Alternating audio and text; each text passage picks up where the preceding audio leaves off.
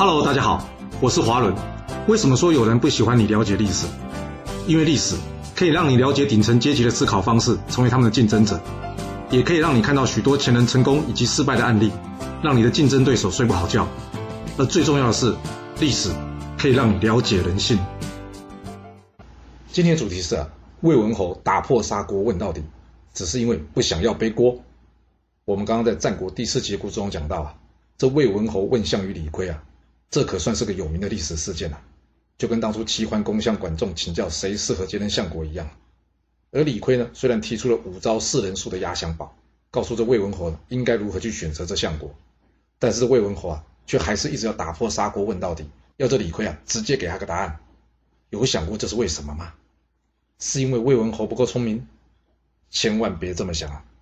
我们呐，常常会把别人想不出答案来，解读对方不够聪明。但是有没有想过，有一种可能，就是实际上是对方太聪明了，所以呢，他说不出答案，或是说呢，他知道答案，但这答案呢，不能由他的嘴中说出啊。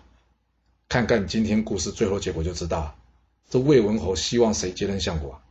当然是他弟弟魏成啊。但是前面明摆着翟皇这样的功臣，他该如何处理啊？难道要他自己去跟翟皇说：“哎，我弟魏成比你合适？”就算这句话说的很公平公正，你觉得翟皇能听得下去吗？他听不听得下去我不知道，但我肯定是听不下去啊。那既然考虑到这一点，那这句话应该由谁说会比较适合呢？所以啊，魏文侯想到了这位翟皇曾经推荐过的人才李亏。啊，那要是你是李亏，一边是推荐你升官的人，一边是你的大老板，你该怎么回答或者说处理这个问题啊？你可以想一想，一、三，好，来公布答案了。让我们来看看这李逵怎么处理这问题吧。要解决这问题啊，要先解决隐藏在这个问题背后的另外一个问题啊，就是这魏文侯已经挑明了相国的人选有两位，一位是他弟弟，一位是翟皇。这明明是他可以自己决定的事，为什么要来问我呢？李逵先测试一下他大老板真实的想法，要注意，注意，非常注意哦。李逵说什么？李逵说他地位低微，又远离朝中，所以不适合评论这件事，而不是直接问魏文侯这两位候选人的入选条件哦。要是李逵直接问魏文侯这两位候选人的客观事迹，那就等于将这问题啊推回给大老板，把烫手山芋给丢回去。这种事啊，千万别干，并不是什么事情呢就事论事就是对的。那李逵发球之后，这魏文侯怎么接球呢？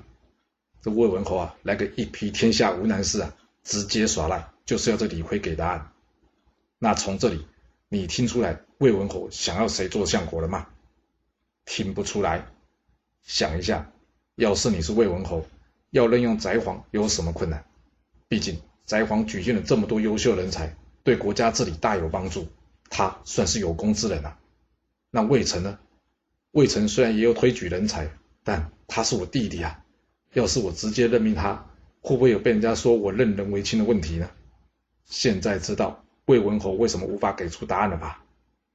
有没有可能，就是这答案已经有了，但他自己无法说出来呀？那李逵有很识相的直接帮他说出来吗？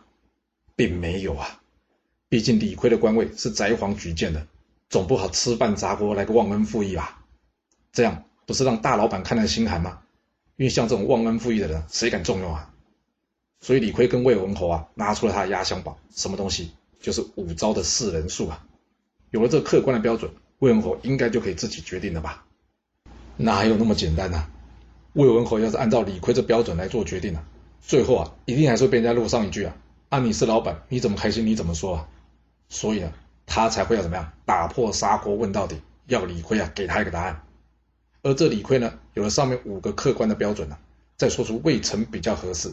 是不是就没有迎合上意、拍马屁、出卖恩人的问题了？所以啊，这五招四人数啊，其实不是要说给魏文侯听的，而是他说给自己听的。他说出自己判断人的客观标准啊，有了这标准，他才好接着下面的话去说，而不得罪翟皇啊。那你们进一步想过，魏文侯为什么不问问李逵，为什么用这五个标准来看魏成会比较合适呢？哎呀，这是李逵的问题啊，让李逵自己去烦恼，自己去跟翟皇说明就好了。他担个什么心啊？因为啊，就算将来翟皇的兴师问罪，他只要一推，这是李逵说的就好了。啊，至于李逵能不能说服翟璜，那就要看李逵是不是有能力把这件事办好了。记得李逵一开始怎么回答问题的吗？他说他地位低微又远离朝中，所以不适合评论的。所以要是真能摆平翟璜，那就表示他说话有分量。而这说话有分量的，应该不是地位低微又远离朝中吧？那不就可以顺水推舟，给李逵来个升官发财了吗？能不能升官发财问题，应该是要留给李逵自己去想办法处理吧。好了，再不行，李逵要是没办法说服翟璜，那就用李逵的五招四人术来反过来问翟璜，让他知难而退就好了。所以说呢，他现在可以不用操这个心了。哇，有没有那么复杂？其实人就是这么复杂了。或许你会说，哎呀，不对啊。春秋第二十九集在讲这管仲病他论相的时候，人家管仲可是知无不言，言无不尽啊，是这李逵太滑头了吧？诶，这要怎么对比呢？要是这么对比的话，恐怕会有问题哎。一，李逵在魏文侯心中的地位啊，不像管仲在齐桓公心中的地位一样啊，这点啊有着根本性的差距啊。另外，李逵的职位也不够高啊。而最重要的是，管仲都快死了，他不像李逵啊，李逵还得好好的活着。那他总得考虑一下，他将来要怎么继续混下去吧。沟通的方法最重要的就是找出对方关心的事或是核心利益，然后才能进行说明、沟通或是说服。有的时候啊，人家是来向你请教意见，但更多时候啊，人家问你意见啊，只是来请你背书的。至于这背书能不能背啊，那还得看人看状况，您说是吧？若是您有其他想法，也欢迎留言分享你的看法给大家哦。好了，我们今天就先说到这。若是你想要知道完整版的故事内容，欢迎您可以到说明栏中找到我爱故事频道的连结。要是你喜欢这个频道，还要麻烦您动动你的手指，点赞、订阅、追踪，或是给我五星评价的支持以及留言分享哦。谢谢您来收听，我们下次再见。